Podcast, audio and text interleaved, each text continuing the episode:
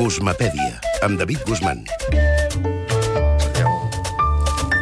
David, què tal? Bona nit. Què tal, Elisa, com anem? Mira, l'altre dia vaig veure una confessió uh, d'una senyora que admiro molt. Inicialment em va sorprendre, no la senyora, sinó la confessió, i, i, però després em va tranquil·litzar. Sentim-la. Well, what I'm doing here, every lecture's been sold out. The message about the fact that every single one of us has a responsibility. De fet, no cal molta traducció perquè aquesta no és la confessió, eh, però sí que és la senyora Jane Goodall, eh? l'amiga dels primats, una senyora que va admetre que havia copiat d'internet en el seu últim llibre, una cosa que és habitual entre els estudiants, no? I que més ara suposo que els professors fins i tot tenen eines, em consta, molt, eh, en fi, molt pràctiques per detectar sí, els casos de plagi.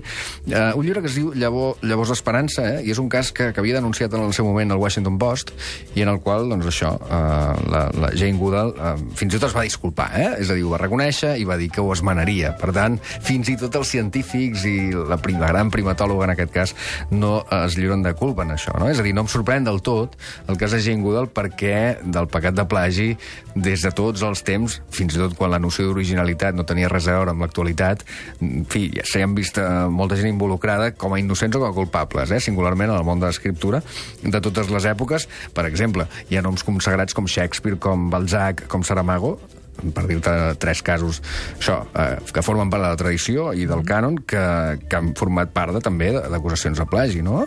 Però n'hi ha més. Cadalso, per exemple, va ser acusat de plagiar Montesquieu a les seves cartes marrueques, Clarín, els seus amics li deien que la regenta copiava, eh, copiava Madame Bovary, copiava fragments fins i tot, de manera, en fi, eh, ambientada, clar que hi ha una cosa, hi ha unes quantes coses que s'hi assemblen, eh? però en tot cas la idea... Pío Baroja també va acusar eh, de plagi tot un Valle Inclán, és a dir, era una època que aquella època tenia més a veure amb les rivalitats, amb les enveges, no? que no pas amb la, amb la idea de, de plagi i, i, i amb la llegenda. En tot cas, quan ve el problema, quin és el gran problema del plagi? quan hi ha llibres, quan, comencen, eh, quan comencem a tenir textos molt més comprovables, no? Ja no et dic a l'era d'internet, com li va passar eh, doncs això, a Jane Goodall, sinó fins i tot amb, amb l'aparició d'una figura important en el món de l'escriptura, una figura que és el ghostwriter, que en diuen en el món anglosaxó, que és el negre literari mm. de tota la vida, no? El negre o l'escriptor fantasma, fins i tot Alexander Dumas en tenia uns quants, això és sabut, que escrivien per ells, en fi, fins i tot hi ha novel·les escrites a moltes mans que passen per ser d'Alexander Dumas, però en tot cas no copiaven tan descaradament com, per exemple, eh, aquest cas. L'autor real d'una novel·la que va tenir la indecència de publicar aquesta senyora. No, el rencor es fatal para uno mismo. Es decir, yo creo que, que no hay que guardar rencor. Sencillamente saber dónde estás. Estas cosas te sirven para saber quiénes son tus amigos y quiénes no. Saps què és, no? Sí, home, l'Anna Rosa, no? Ai, la de Rosa Quintana, sí, sí, sí. Sabor a hiel, tu te recordes d'aquell Sí, cas? sí, sí, Eh, tant. Sabor a hiel, només el títol de la novel·la ja era terrorífica, no? És una novel·la que va, va, en fi, va presentar ella, no, va, presentar Anna Botella, eh? és a dir, eh, va presentar-la a la presentació i Anna Rosa Quintana el signava, en tot cas, en reproduïa textualment paràgrafs sencers d'una novel·la de Daniel Steele que es deia Àlbum de família, com va ser recordat i fàcilment, com et deia, comprovable, no? És a dir, quan tens els dos textos un al costat de l'altre no és difícil. Per tant, és encara més ridícul, no?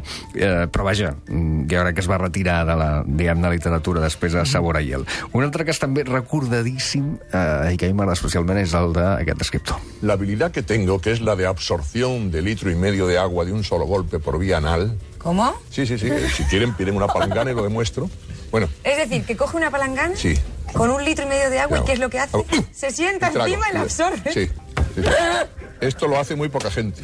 Mercès preparen Milà encara està sorpresa i posant-se aire a la cara perquè no s'ho creu. Eh? És el cas de Cela, que evidentment no té res a veure amb aquesta entrevista, però, però és un, un instant important en la trajectòria de Cela. No? Doncs Cela va tenir també un cas Sí, d'acusació tant. important a partir de... En fi, va guanyar el Planeta l'any 94. A més a més, va tenir més ressò perquè es tractava d'un premi, d'un premi comercialment important, la Cruz de Sant Andrés. Després va haver de passejar-se pels jutjats acusat de plagiar fragments importants de la novel·la Carmen Carmela Carminya de Carmen Formoso. No? El van absoldre, no, per això? No? Sí, sí. sí. en part, va durar molts anys allò, Sí, va, durar, sí, sí. va durar molts anys i, i en el cas de Cela, que també és ara involucrat. Luis Racionero va ser un altre escàndol do, doble, eh? perquè va ser acusat de, en més d'una ocasió d'haver copiat textos d'altri. Inicialment l'Atenes de Pericles, que era un, un llibre que reproduïa fragments sencers d'un llibre El legado de, de Grècia, de Gilbert Murray, i després amb el llibre L'último càtaro, amb un cas encara més greu, perquè aleshores Luis Racionero ocupava un càrrec institucional, era el director de la Biblioteca Nacional, la qual cosa eh, va ser encara més polèmic perquè doncs, se suposa que venint d'una figura així, no? és com si el ministre de Cultura, que hem tingut algun els últims 15 anys que s'ha dedicat també a les lletres, hagués plagiat algun llibre. Bé, Bryce Echenique també és un cas curiós perquè va tenir problemes seriosos poca broma en el seu cas, perquè va ser condemnat, per exemple, el 2009 pel plagi de 16 articles periodístics de 15 autors diferents. I posats a copiar, fem-ho bé. No? No, no copiant només d'una font. En tenim, tenim 15, i m'imagino que el 16, va- allò per dissimular, va afegir alguna cosa de, de collita pròpia. No?